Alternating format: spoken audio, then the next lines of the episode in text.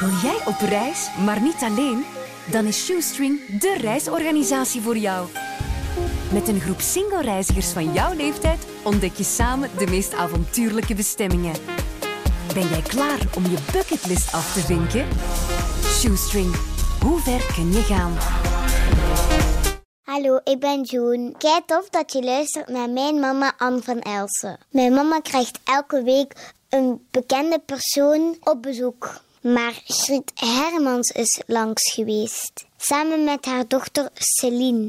Celine schaamt haar soms wel voor, haar mama. Want haar mama durft echt alles zeggen. Maar Griet vertelde aan mijn mama dat ze een bom is. Een mama die een kindje maakt zonder papa is het eigenlijk. En ze vertelt ook over hele ambetante fans. Veel luisterplezier. Kusje doen. De familie van Elsen. Een hele goede morgen en welkom. Op zaterdag voormiddag maken we het graag gezellig met een bekende medemens. En vandaag is mijn gast de Kempische koningin der openhartigheid. Een vrouw met vele levens en gezichten. Van zangeres en Vlaamse Oprah Winfrey tot politica en alles daartussen. Taboes staan niet in haar woordenboek. Het moederschap daarentegen in vet. Dag Margriet. Hallo, dag aan, goedemorgen. Margriet, jij moest iemand van jouw familie meebrengen. Wie is het geworden? Ja, ik heb uh, mijn choix uniek meegebracht. Ons dochter, hè, Celine. Hè. Dag Celine, welkom. Hallo, dag Anne. Zag je dat meteen zitten om mee te komen? Ja, ja, eigenlijk wel. Als mama en ik we hebben een, echt een heel sterke band. En het verbaasde mij ook eigenlijk wel niet dat ze direct aan mij heeft gevraagd om mee te komen. Nee, maar ik hoorde daar straks toch wel zo af en toe van... Ma, nee, dat gaat hem niet vertellen, hè? ik ben wel op mijn hoede voor, uh, voor de uitspraken die vandaag gaan volgen, ja. ik heb de indruk dat, dat jij meer bang bent voor wat jouw moeder zegt dan, uh, dan dat andersom nodig Ja, dat denk ik. Ik ben iets bescheidener, denk ik, in mijn uitspraak. Dus als mama moet niet zoveel schrik hebben, maar... Uh... Zij is ook wat preutser dan ik. Dat is... Ja, ik, ik durf soms een beetje meer... Um, op de rem staan. Ja, ja, ja, absoluut. Nu, jullie lijken fysiek ook heel erg op elkaar, maar of jullie hetzelfde karakter hebben, dat ontdekken we de komende twee uur. Maak het vooral gemakkelijk. Zeker. Celine, in 30 seconden, wat voor mama is Margriet? Oei, amai. Um, een hele lieve, warme um, mama, die ook wel heel eerlijk is gewoon. Ik denk dat ik bijna alles weet uh, van als mama, maar daar zal ik vandaag wel achter komen. um, en die mij eigenlijk heel vrij en heel lief heeft opgevoed. Ik wist perfect als kind wat ik wel mocht en niet mocht. Maar als mama heeft daar eigenlijk ook nooit niet echt. Uh, het was zeker geen super, super strenge mama. Gewoon echt, ja, een open, heel lieve, vlotte mama. Absoluut. En heel zorgzaam? Ja, absoluut, absoluut. Heel bezorgd om alles wat ik doe en elke stap die ik zet. Zonder mij um, ja, aan het lijntje te houden, zal ik zeggen. Of zonder mij echt vast te houden. Te met houden. De, ja, voilà. Ja. Dus ik heb altijd wel mijn vrijheid gehad, maar ze was toch wel heel begaan met wat, uh, wat ik allemaal deed. Oké, okay, Margriet, het is uw beurt nu. Wat voor een dochter is Celine? Um, het was zeker niet de dochter die ik verwacht had te hebben. ja, ik weet niet of dat, dat positief of negatief gaat zijn. Maar ik zal het uitleggen. Ik dacht, uh, allee, ik dacht, we gaan dat met twee goed doen en we gaan elkaar op alle gebieden goed verstaan. Maar dan merk ik toch dat wij heel veel conflicten hadden en op alles werd er gediscussieerd, zo vermoeiend. Maar ik apprecieer in haar wel, en dat meen ik, ik ben er wel fier op. Ze is heel ambitieus, ze is talentvol, ze is spraakzaam, ze is intelligent ook, uh, maar verschrikkelijk eigenwijs. Want ik dacht altijd, ja, ik ben, ik ben ondertussen 60 jaar, ik heb toch een beetje levenservaring, maar dat is allemaal niet belangrijk. Nee, nee. Een tweede Margrietje dan eigenlijk. Absoluut, een beetje wel, een beetje wel. Ja, ja maar dat zeggen ze zo, hetzelfde karakter, dat botst, hè? Ja, ja, en dat is vermoeiend soms. Mm -hmm. En als je mm -hmm. terugdenkt aan haar geboortedag, wat zie je dan allemaal voor je? Chinees. Oh. Chinees? Uh, dat was de dag voor die. Ja. Ja. Ze heeft wee gekregen van de slappe lach bij de Chinees. Dat is waar. We zijn gaan Chinezen in Vosselaar. Ik weet dat nog heel goed. En met mijn broer en mijn schoonzus. En ik voelde zo die druk op die, uh, ja, die spanning op, op die baarmoeder. Ik denk, dat gaat hier niet lang niet meer duren. En wij begonnen te eten. En ik, om een of andere reden kreeg ik de slappe lach. En ik kon niet... Oei, dat moet wat Oh, ik moet ik gaan voorzichtig zijn. Ik kon niet ter plaatse bevallen. En inderdaad, zaterdags was het zover, hè. Oh, jongens, jongens, dat was wel... Maar ik vond wel, wel, het is een mirakel, hè. Ah ja, maar dan leggen ze uiteindelijk dat babytje in jouw handen. Oh ja, toen besefte ik eigenlijk pas, jongens, jongens, ik heb ik leven op de wereld gezet en ik moet dat goed doen, hè. Ja. Een zware opdracht, hè? Ja, en dan loopt het niet altijd zoals hij het verwacht. Oh, jongens, jongens, jongens, jongens. Hebben jullie namen voor elkaar? Alleen namen, daarmee bedoel ik als jullie elkaar niet mama of jij dan Celine noemt, bijnaamjes. Ik weet niet of ik zo blij ben dat we die op de radio gaan vertellen. Toch wel, kom, Ik noem gooi maar het eruit. altijd Dedeetje. Dedeetje? Ja, van dik dochtertje. En omdat zij dat bij mij doet, zeg ik tegen haar DM'tje van dik moedertje. En DM. Dedeetje, dat klinkt toch goed, Dedeetje? Maar dat Of is schattig. We hebben ook zo een, een, een roepnaam als we met elkaar bellen. Dus dat is altijd het eerste wat we doen. Eigenlijk een soort ja, krokkietje, maar we doen dat dan zo op een, een, ja, een heel speciaal manier. Zij kan het beter dan ik. Ja, we begroeten Maar, elkaar heel raar. Want mijn echtgenoot zegt altijd, zeg, zijn jullie nu getikt of wat? Maar ik hoorde jou net ook met jouw echtgenoot binnen. Darling. Ja, ja. Ja, ik noem hem darling. Ja, klopt, klopt. Maar allee, hoe, hoe, hoe- hoe neemt je dan een telefoon? Ja, we zo doen we dat. doen. Ja, doe Ja. dat, kom. Allee. Dat is een heel speciaal geluidje. hè. Als Dan gaat dat open, dan is dat feest. En... Oké, dat beest heb ik nog nooit gezien. Doet dat nu ook. Ja. Schitterend. Joe, de familie van Elze. Een hele goede morgen. Welkom bij de familie van Elze, waarin we elke zaterdag familiegeheimen ontrafelen tussen 10 en 12. Vandaag met Margriet Hermans en dochter Celine. Margriet, jij was destijds een bom, zoals ze dat zeggen, hè? een bewust ongehuwde moeder. Hoe ging dat dan? Hoe ging dat in zijn werk? Op een bepaald moment beslis je van, ik ga ervoor. Ja. En dan heb ik een dieet gevolgd, omdat ik dacht, ja, als ik al zo dik ben en dan nog eens zwanger, dan, dan gaat dat toch wel eh, een moeilijke bevalling worden. dus heb ik eerst een jaar gedieet en gezorgd dat ik, eh, trouwens ook van diëten verhoogt de vruchtbaarheid. Hè. Eh, en ik, ik had dan ook geleerd om de ijsprong te herkennen en zo. En ik had dan ook een paar mensen, mannen, die ik kende, opgetrommeld. en ik had gezegd, kijk jongens, maar ik heb daar eerlijk over gecommuniceerd. Hè. Ik zeg, ik zou graag zwanger zijn. Maar, en jullie zijn potentiële Kandidaat. hè? kandidaten. Maar ik wil wel niet dat jullie morgen zeggen dat je dat het ergste vindt wat er overkomt. Want ik wil wel ooit, als het zover is, als dat kind bij jullie aan de deur klopt, dat je dan zegt van, ik ben het inderdaad. hè? Ik zeg, maar we gaan dat in alle geheimhouding doen. We gaan dat echt... au au serieus nemen, uit respect voor iedereen. Maar dan moet ik zeggen, dan vallen van die kandidaten al veel weg. Hè?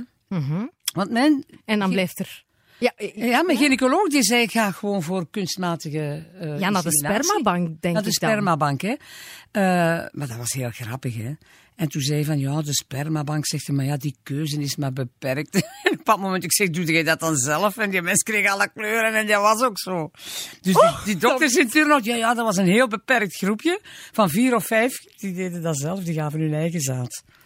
Maar ik vond dat op zich geen probleem, maar hij nee. vond dat precies blijkbaar toch wel een beetje een probleem. Dus zegt hij tegen mij, Margriet, ga eens goed uit in Leuven of in Gent en pak dan een universiteitsstudent. Ik zeg, jongens, zeg, dat werkt zo niet. Ik ben ik Margriet Hermans, iedereen kent mij, dat gaat zomaar niet gemakkelijk Ja, maar gebeuren. plus met iemand dat je niet kent, kan je dan ook moeilijk afspraken gaan maken van hoe gaat het dan Voilà. achteraf Oh, hoe gaan. gaan ze achteraf aan uw deur komen kloppen? Dat kun je wel als je iemand compleet voor verrassing zet, hè, voor schut zet. Maar ik wil dat zij weet wie of wat haar vader is. Want ik vind genetica wel heel belangrijk als er iets is Mhm. Ja, gebeurt. een kind moet op een of andere manier toch wel weten de roots van, van, van Ik waar komen bepaalde trekken. Ja, hè? ja. Als je, dat, dat vind ik denk ik ook wel. Nu, daar hoeft er geen relatie mee op te bouwen met die persoon. maar dan concreet, is, is dan de liefde bedreven geweest? Of, of, Ah ja, natuurlijk. Hè. Ja. een paar keren zelfs. Ja. In een hotel zelfs- in Oostende.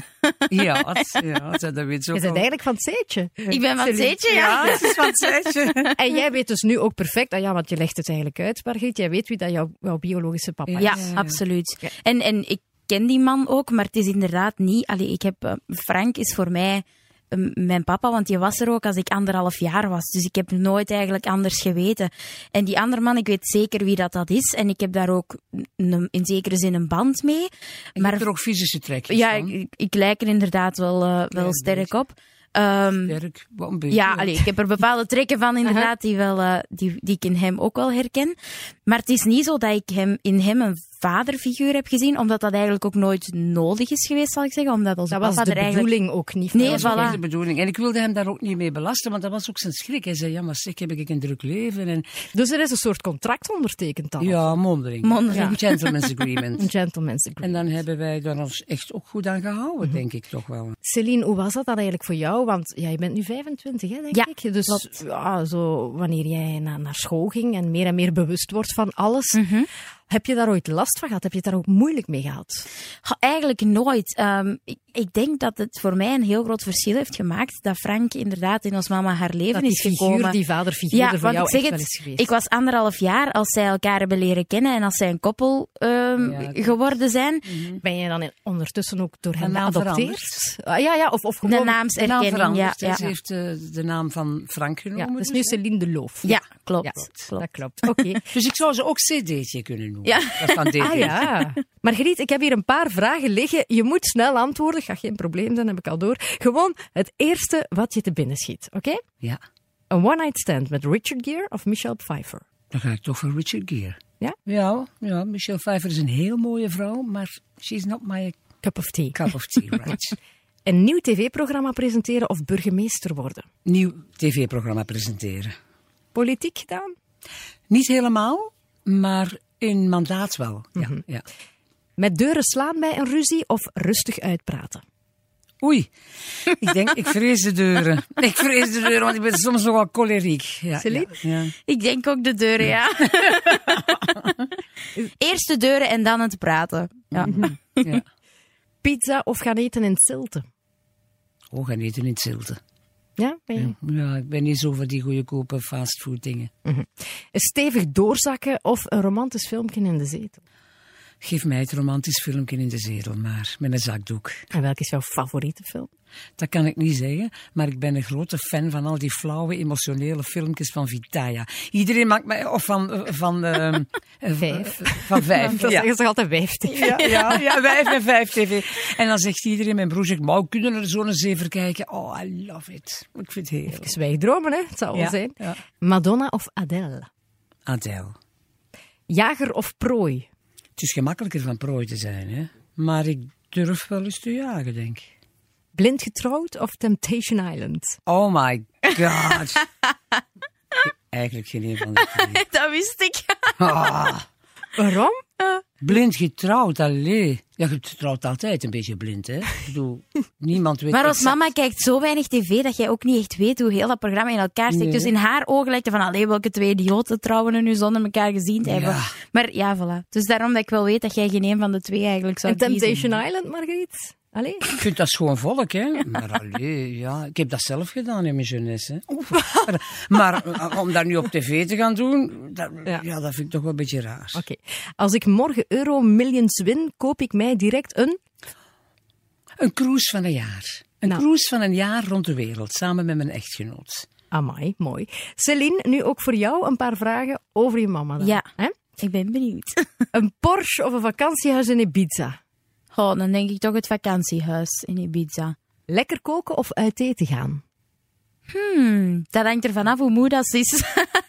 ik weet dat als mama heel graag kookt, maar niet om tien uur s'avonds nog beginnen. Dus als ze daar tijd voor heeft, heel graag zelf, denk ik. Piercing of tattoo? Ook geen een van de twee. Heb jij daar ooit orders over gekregen? Goh, orders. Ze heeft eigenlijk wel altijd aangegeven dat ze dat niet graag ziet. En dat ze daar ja, gewoon ook van houdt daar rekening mee dat er voor de rest van je leven zit. Allee, of toch zeker een tattoo. Dus ik heb wel een, een, ja, een piercing officieel, want het zit in mijn oor. En ik heb ooit ook een navelpiercing Ja, gehad. En ik denk dat ze dat dan minder erg vindt, omdat je dat nog kunt uitdoen. Die gaatjes groeien nog Die, die gaatjes gaan ooit nog wel dicht.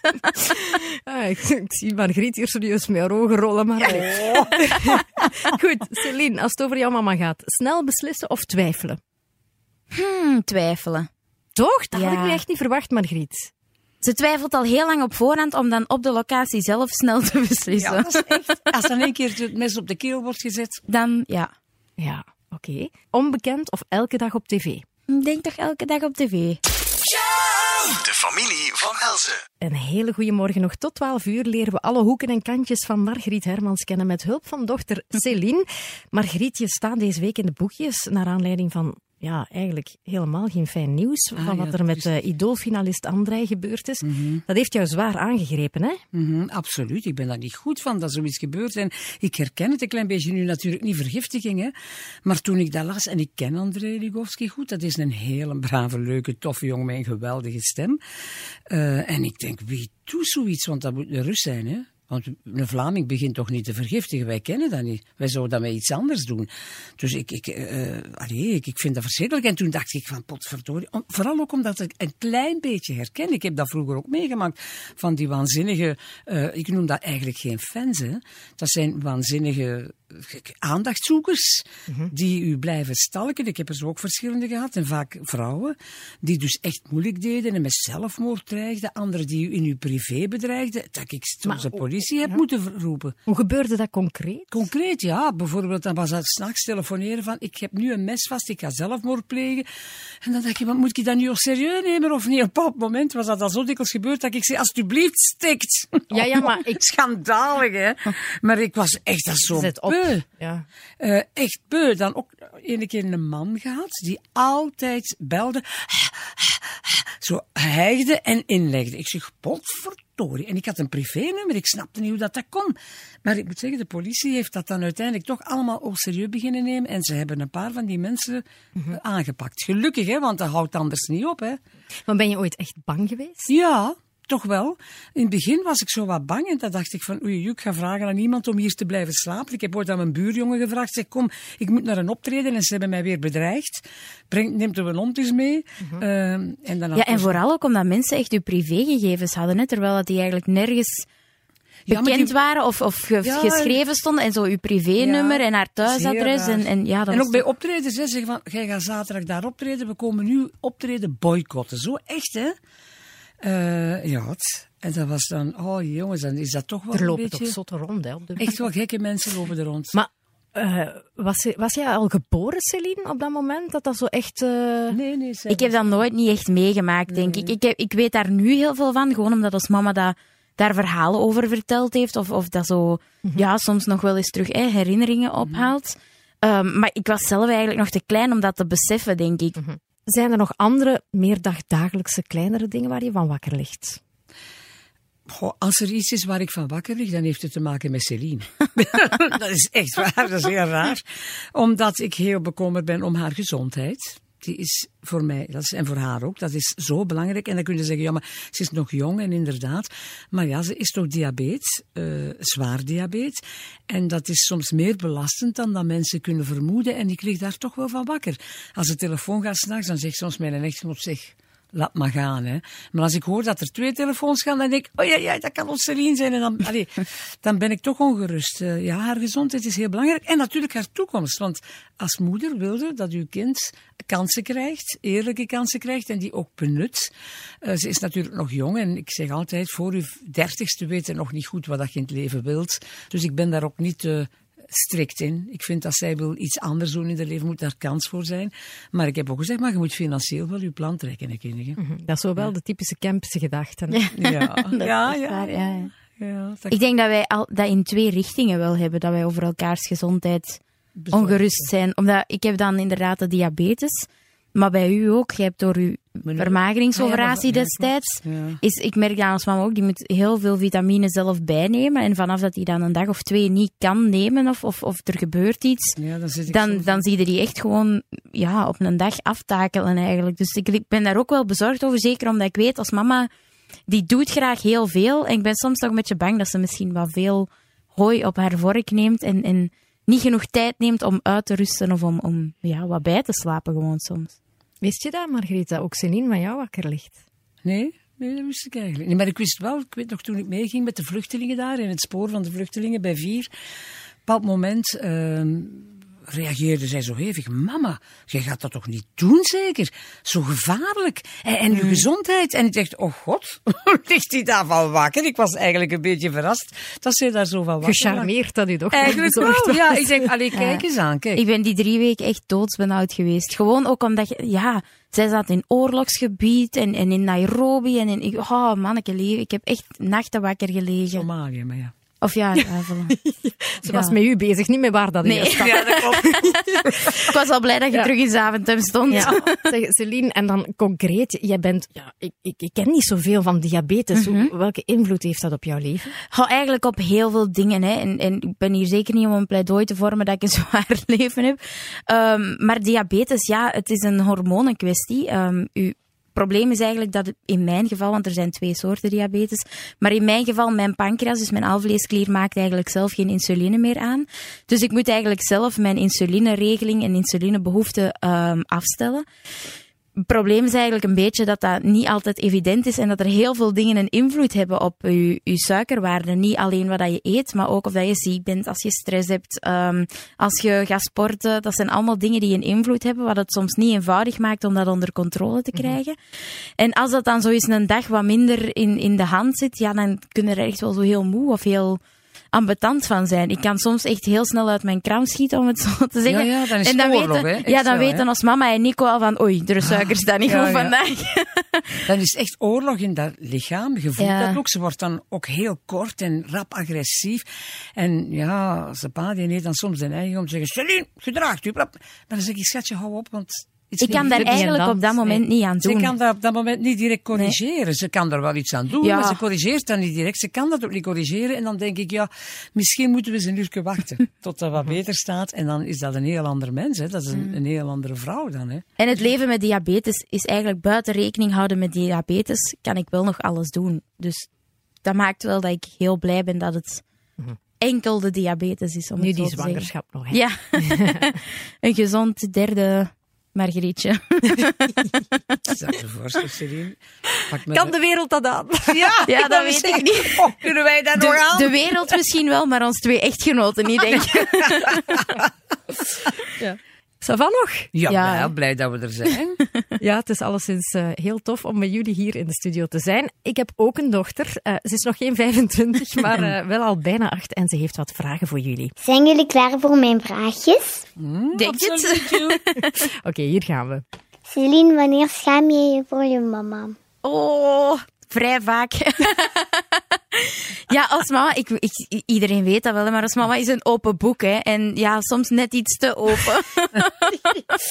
en als dat over haar gaat, dan vind ik dat nog vrij oké. maar ze is ook open over alles en iedereen die ze kent. Dus soms ja, zorgt dat wel voor eh, iets gênantere dingen die op de radio of tv gezegd worden, waar ik dan niet... eh, over zou spreken. Maar ja, kijk. Ik ben het ondertussen... Ik moet zeggen, met de leeftijd heb ik ook wel leren relativeren. Dus ik weet wel dat als mama, ja, die doet dat ook niet expres. Die wie is gewoon is, zo, ja, Ja. voilà. Ik herinner mij nog wel dat beeld, eh, Margriet, dat jij toekomt in de kajuit bij Gert Late Night. Ah ja. En het eerste wat jij op bed smijt. Ja, dat glijmiddel. Oh, dat glijmiddel. Ja, maar ja, dat is wel belangrijk. hè. Alsjeblieft. Oh. De volgende. Celine, heeft jouw mama speciale trekjes? Ehm, oh, heeft als mama speciaal... Ja, ja, als mama... Wij hebben dat eigenlijk allemaal wel een beetje, maar in een andere vorm. Als wij zo over iets heel enthousiast zijn of zo'n beetje... Ja, Opgewonden. opgewonden. Dan hebben wij de neiging om ergens in te bijten. En als mama die doet dat... voor Frank. Ja. En als mama die doet dat op haar wijsvinger. Je gaat dat natuurlijk, hè, het is radio, dus je kunt dat niet zien, maar ze heeft daar zelfs twee kloofjes van.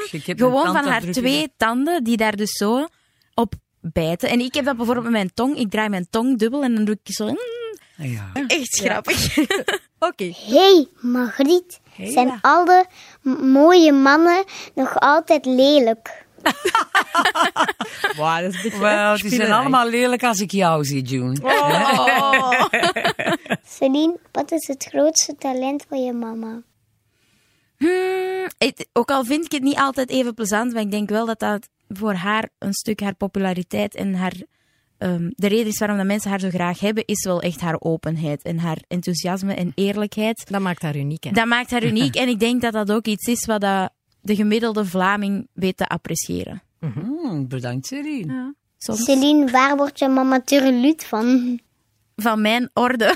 Oh, Ik, eh, Ja, ik, oh, dat, ik, het is heel erg om te zeggen mijn echtgenoot gaat lachen nu als hij dit hoort. Maar ik ben een verschrikkelijke slollervos. Voor mij maakt dat niet uit dat er nog een vuil glas ergens staat of een paar schoenen of sokken ligt. En ik weet dat dat heel erg is en dat dat voor de meeste mensen wel belangrijk is. Ik weet dat dat in het verleden als mama wel... eh, ja, ondanks dat ze niet veel heeft, maar toch misschien wel wat grijze haren bezorgd heeft. vermoeiend, Celine. Vermoeiend, jongens. Sorry, mama. Celine, zou jij niet graag een broer of zus willen hebben? Oh, grappig dat ze dat vragen. Ja, ik heb eigenlijk vroeger als kind echt heel lang gezaagd voor een broertje of een zusje. Gewoon omdat de mensen rondom mij hadden allemaal broers en zussen, ook bij ons in de straat. Heel veel ja, kinderen met een broer of zus. En ik had zoiets van, oh zeg, ik ben alleen. Ik vind dat niet leuk. Maar uiteindelijk, nu dat ik ouder ben, besef ik wel dat het niet altijd gemakkelijker is om meer kinderen te hebben. En dat je soms één kind net iets meer kan geven dan, dan Mhm. twee kinderen. Ehm, maar ja, ik heb er echt wel in het verleden heel vaak eh, voorbij als mama gezaagd. Geen kind eh, nooit Oh. ter sprake gekomen van jou en Frank? Nee, want want, de- ik heb het daar wel vaak over gehad. Hè? Maar Frank zei, ja, maar voor mij hoeft dat Onze niet. papa wou dat Hij niet. wilde dat eigenlijk niet. Hij is niet zo... ehm, hoe moet- hij is wel een family man, maar hij is Vanaf een bepaalde leeftijd. Ja. En ondertussen heeft hij er natuurlijk een prachtige dochter. Ja, want dat zegt hij ook. Want Ja. als het aan mij gelegen had, had ik nooit een dochter gehad. Dus eh, dat zegt hij nu ook. Margriet, als je nog één dag zou leven, wat zou je dan doen? Goh, ik denk dat ik zou proberen op die 24 uur mij voor te bereiden op het einde van, van dat moment. En ik zou eh, graag dan een gesprek hebben met iemand die veel ervaring heeft met mensen die sterven en doodgaan, als het daarover gaat. Ik zou Wim Distelmans vragen bijvoorbeeld, eh, de professor, om hem te vragen, kijk, hoe bereid ik mij het beste voor op dat moment? Hè? Dat is natuurlijk een irreële vraag, hè? want ik denk altijd, als het moment daar is, ben je blij dat je het kan loslaten. Daar ben ik van overtuigd. Dus nu zitten we heel ernstig bezig. Ja, maar zijn Ehm, er zo nog bepaalde dingen op, op je bucketlist waarvan je zegt van oké, eh, goh. die cruise? Ja, zeker en vast. Maar voor één dag is dat natuurlijk een beetje moeilijk. Maar als ik zou weten dat het einde zou... Ja, die cruise. Want ik vind nog altijd, als ik het fysisch aan kan, vind ik reizen nog altijd een van de meest fantastische dingen die er is. En dat hoeft echt niet altijd zo ver te zijn. Hè. Dat mag bij wijze van spreken in de term 2000 in Valkenburg zijn. Eh, ik bedoel, als het een plaats is waar ik van kan genieten, ehm, ja, ik denk dat ik dan toch wel eens naar de, nog naar de zee zou trekken in Nederland of ergens naar een plek waar ik tot rust kan komen en genieten van onze mooie planeet, voor zolang dat ze nog mooi blijft, aarde. Een plek waar dat je heel weinig op je wijsvinger bent. dat is de bedoeling. Ja, inderdaad. Zeg, maar, heb je, spreken jullie daar soms over? Of heb je daar al over nagedacht? Want tenslotte, ja, je, bent met niet veel hè, samen. Dus Nee. Wij spreken daar eigenlijk heel vaak over. Niet per se van, van depressieve gedachten of Nee, zo. nee. Nee. Maar omdat wij gewoon ook alle twee dezelfde ingesteldheid hebben. Ehm, wij hebben heel veel mensen in onze omgeving gehad die we jaren hebben zien lijden en afzien. En dat willen wij alle twee niet. Wij hebben ook alle twee tegen onze partners gezegd van kijk, als ik morgen onder een auto terechtkom en ik hang aan al het eh, levensnoodzakelijke materiaal, Trek dat hoeft niet voor ons. uit. Dus wij spreken daar wel vaak over in de zin van hoe zouden we het moeten aanpakken mocht het gebeuren. Ik, heb die papieren nog, die papieren van mijn wilsbeschikking liggen nog altijd klaar, maar ik moet ze nog altijd invullen, hè, want het komt er nooit van. Hè, maar ik vind dat wel belangrijk, want ik weet bijvoorbeeld mijn echtgenoot helemaal niet. Die wil blijven leven, die Ja. klampt zich vast aan het leven tot de laatste seconde. Maar ik vind als de kwaliteit daar niet meer is, dan heb ik het echt niet moeilijk om te zeggen, let's go. Laat me stilletjes eh, gaan. Ja, je staat heel nuchter tegenover de dood, eh, Margriet. Maar heb je ook al heel nuchter over jouw begrafenis nagedacht? Oh, ik hecht daar niet zo'n belang aan. Ik hecht aan zo'n celebriteiten niet zo'n belang. Ik, ik vind eh, dood is dood en voor mij part mogen ze mij begraven. Zelfs in de goot, eh, maar in een kartonnen doos. Ik moet daar geen geld aan geven. ehm, het is Ah, ik heb thuis nog een doos van bol.com staan. Ik zal... nee, nee, ik wil er graag in een kettingje, mama. Echt? Ja, een stukje, maar alleen uw oor, hè, want een heel ketting, dat wordt wel moeilijk. ik denk het nog wat serieus. Ik het moeten pakken, denk ik. Margriet, is er één iets in jouw leven waar je spijt van hebt? Maar ja, dus is- het is niet de eerste keer dat ik het zeg, hè.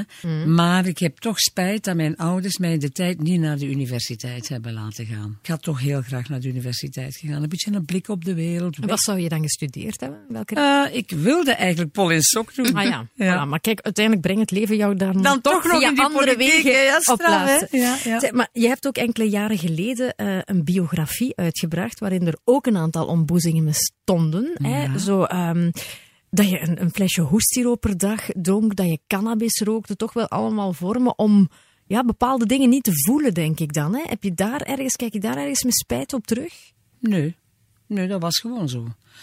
Eh, dat moest gewoon zo. Ik moest daardoor. Hè. Eh, ik heb dan ook een heel zware depressie gehad in mijn leven in die periode. Maar ik heb pas nog van iemand gelezen, grappig, Tom Helzen denk ik, vond ik, ik begreep hem volkomen. Die zei van, ik kan nu terug opnieuw de wereld aan. En zo is dat ook. Hè. Je, komt in, je zit met heel veel input als jonge mens in je leven zoveel indrukken en je kan die niet meteen vertalen naar iets creatiefs. Omdat je omgeving dat niet toelaat, of omdat er fysische dingen zijn die dat moeilijk maken. Bij mij was dat mijn uiterlijk, dat ik niet mee had. Dat maakte het mij niet altijd gemakkelijk. En dan komt je in een bepaald moment in een crisisperiode en je raakt daar zomaar niet gemakkelijk uit. Maar als je daar dan uit geraakt, dan ben je een nieuwe mens, zeg ik altijd. Dan ben je gewapend voor het leven en ik ben daar wel dankbaar voor. Dus ik heb daar geen spijt van gehad. Dat was gewoon een fase waar ik door moest. Hoe is dat dan voor jou, Celine, om dat te lezen? Want dat is waarschijnlijk, dat staat ver af van de mama die jij kent, hè? Ha, ja en nee, want ik weet... Ik zeg het als mama en ik, wij zijn zo'n open boek naar elkaar toe, dat ik eigenlijk best al wel veel over haar wist. Ehm, ook inderdaad dat zij die depressie gehad heeft en in fases waar dat ze doorgeploeterd is. Ehm, dus ik moet zeggen, als ik dat boek aan het lezen was, ik heb zeker nieuwe dingen geleerd over als mama, maar eigenlijk over de gehele lijn gaf dat me wel elke keer zoiets van, ah ja, dat is juist, als mama heeft dat verteld. Dus ik, ja, ik zeg, ik ben eigenlijk echt van kind af aan opgegroeid met, met heel veel openheid, ook in ons gezin. Wij weten alles over elkaar, of toch bijna alles. Ehm, en ja, dat, dat boek lezen voor mij was zowel een, even een momentje van, ah ja, inderdaad, als mama heeft eigenlijk best al veel op haar weg afgelegd. Ja, dat klopt. Ja. Zo. All the way. Ja. zegt Ja, Joe. Joe, all the way. allemaal. Zeg, maar Margriet, je hebt ook ergens gezegd dat je eigenlijk wel een man zou willen zijn. Ja. Moeten we dat heel letterlijk nemen in deze tijd? Hè? Want we hebben Bo van Stelbeek Absoluut, en dat. Ja, maar ja, dat Ja, maar kan ja, die vraag die jij stelt, die heeft men mij toen meteen gesteld. eh, VRT belde mij meteen van, Margriet, wil jij man zijn? Daarmee bedoel ik niet dat ik fysisch zou omgebouwd willen worden. Ik heb mij ook niet slecht gevoeld in mijn lichaam als vrouw. Ik, ik heb daar niet echt mee van wakker gelegen, ook niet echt. Eh, Ik ben daar niet zo echt mee bezig. Maar wat mij wel en één wat ik nog steeds voel, is dat de man, it's a man's world. En het blijft een man's world. Het zijn nog altijd de mannen die de leading positions innemen. En dat, heeft ook een, dat, is, dat is ook verklaarbaar, want zij nemen het ook altijd op voor elkaar. Ja, de we- wereld draait nog altijd rond mannen. Hè. In dat opzicht, als ze jou dan vertelde van het gaat een dochtertje worden, Was ik heel blij. was je heel blij. Ja, maar nee, maar het zou kunnen dat je dan dacht ook van oei, maar ze gaat het niet gemakkelijk krijgen. Nee, dat klopt, dat klopt. Ze gaat, haar leven gaat een grotere uitdaging nog zijn dan wanneer het een zoon was. Eh, hoewel ik zeg dat nu, ik hoor nu soms ook jongens zeggen, ja, maar zeg Margriet, voor ons is het ook allemaal niet zo gemakkelijk. En dat zal ook wel zo zijn. Maar ik zie toch, de topfuncties in de wereld zijn nog altijd voor mannen. En dat heeft niks met intelligentie te maken. Dat heeft niks met know-how te maken. Dat heeft alles te maken dat mannen comfortabeler kunnen leven dan vrouwen. Omdat vrouwen nog altijd een zorgreflex hebben en de neiging van zich een klein beetje opzij te zetten als die, om die man te helpen in zijn carrière. Voor de start van het programma heb ik jullie even in onze biechtstoel gezwierd. Celine, in één woord, waarover gaat ja, jouw biecht? Het gaat eigenlijk niet over ons mama. Ik vrees dat onze papa er niet zo heel blij mee, gaat zijn. En ja, het heeft iets te maken met kworn. Margriet, en bij jou? Porno in het Vlaams parlement. Haha, wat ze daar juist even doen. Joe, all the way. De familie van Elze. Normaal gezien steekt elk kind iets uit achter de rug eh, van zijn ouder, of van haar ouder, maar bij jullie is dat echt niet. Jullie weten alles van elkaar. Maar er valt toch iets op te biechten. Celine, bij u heeft het iets met kworn te maken. Ja, ja, ja, inderdaad. Als mama en ik, wij weten eigenlijk echt ja, zo goed als alles van elkaar. Maar we hebben helaas wel al eens samengespannen om onze papa iets, eh, iets wijs te maken of iets te laten doen wat hij eh, niet zag zitten. En zo hebben we in het verleden, ja, onze papa, wij wouden eigenlijk een, een vegetarische dag inlassen in de week. En onze papa zeg, en eh, dat vegetarisch gedoe, dat moet ik niet hebben. En, en we hadden er eigenlijk iets heel goed op gevonden om spaghetti saus te maken. Met kworn, dus met het kworn gehakt in plaats van echt uh, ja, varkens of runs gehakt. En we waren dat s'avonds aan het opeten en dan zei papa, amai, dat is lekkere saus en goed gehakt. Je merkt dat dat van een goede been voorkomt. dus ja, bij deze papa, sorry, ik weet niet of dat je aan het luisteren bent, maar uh, we hebben nu een klein beetje in het zak gezet, vrees ik. Ja, ik denk dat dat heel herkenbaar is. Hè? Ja, ik denk dat wel. gebied zijn toch Mannen, een klein beetje... Moeilijk, hè? Echt Ja. kind, hè? Allee, zoals ook de speldpasta's en dan alles. Als dat een klein beetje anders is dan hij gewend is, dan begint hij moeilijk te doen. Dus zeg Ja. ik het nu niet meer. Zeg het niet meer. Zeg, en dan was er ook nog iets met porno in het Vlaams parlement. Ja, Ja, dan beginnen mijn oren te tuten, hè? Ja, absoluut. Ach, ja, dat was, ik denk dat Océline een jaar of acht was, negen. En ik zat toen in het Vlaams parlement en ze was zo op ontdekking aan het gaan op de internetsites.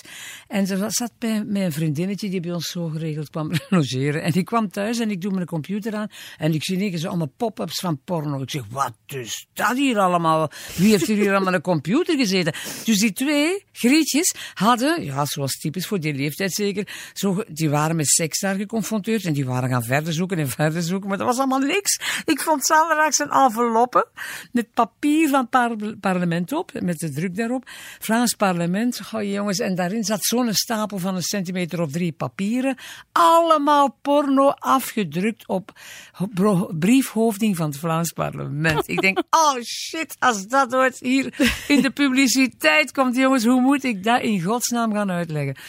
Maar ik heb dan gezegd, dan heb ik ze toch wel eens even op matje geroepen. Ik heb gezegd, Celine, eh, ik zeg, je moet een beetje zien wat je doet. Ik zeg, als ze dat mee pakken, dan gaan ze denken, die Margriet Hermans, dat is een pervert. Oh, jongens. De Belgische belastingsbetaler zal weer content zijn Ja. vandaag. Ze had het Je hebt dat toch wel nog gebruikt als kladpapier? Ja, ja, ik heb daar nog tekeningen op gemaakt. Is het? Ja, op de Ah, ja, achterkant. dat klopt. Propere tekeningen deze Ja, keer. Ja. Oh. Ah, maar er is toch ook nog iemand anders die iets, ehm, iets voor in de toekomst heeft. Dat is dan weer zo naar jou toe, Margriet, van hij ziet u graag, het is uw schoonzoon, hij ziet u Oh graag, nee! maar het is toch niet onvoorwaardelijk. Luister maar eens. Oei, oei, oei, oei. Margriet is iemand waar ik, eh, in verhouding met mijn eigen ouders bijvoorbeeld, ehm, heel graag mee, mee klankbord. Omdat Margriet is altijd zelf heel ondernemend geweest. Ze heeft als, als senator, als, als tv-artiest, als, als onderneemster in zoveel projecten eh, bezig geweest. Ze start er ook, hoe ouder dat ze wordt, hoe meer projecten dat ze nog opstart. Dat is ongelooflijk. Ehm, en het is ook altijd heel leuk om haar te kunnen klankborden. Dat zij heeft die, die, die levenservaring, dat ondernemerschap, maar ook vooral die, die menselijke ervaring. Dus zij gaat ook altijd Celine en, en mezelf dan ook waarschuwen van kijk, oké, als je dat doet, let daar en daar en daar voor op. Dus ehm allee, dat appreciëren we wel heel hard. ehm, op dat ja. Samenwonen ehm, of een kangeroewoning delen op latere leeftijd, dat lijkt mij moeilijker, omdat ja, we hebben heel uiteenlopende visies. En ehm, als ik dan soms zie, eh, zowel Celine als Margriet zijn heel extraverte types, ehm, die eh, met heel veel volume en ambiance vaak elkaar beargumenteren. En ik denk dat ik dat niet zou aankunnen om dat eigenlijk eh, van 's morgens vroeg tot 's avonds laat te moeten ondergaan in ons huis. Ja, zoals ik daarnet zei, wij zouden veel aan kunnen staan, maar ons echtgenoten niet. Nee, nee, ook gaar, maar ook gaar. Mijn rechtgenoot zou dat ook niet aan kunnen. Wij samen, oh nee, nee, nee. Ah, Verdekken heeft goed gezwegen, zeg. Ik wist dat niet. Tja, tja, tja, je ziet het, hè. Ja.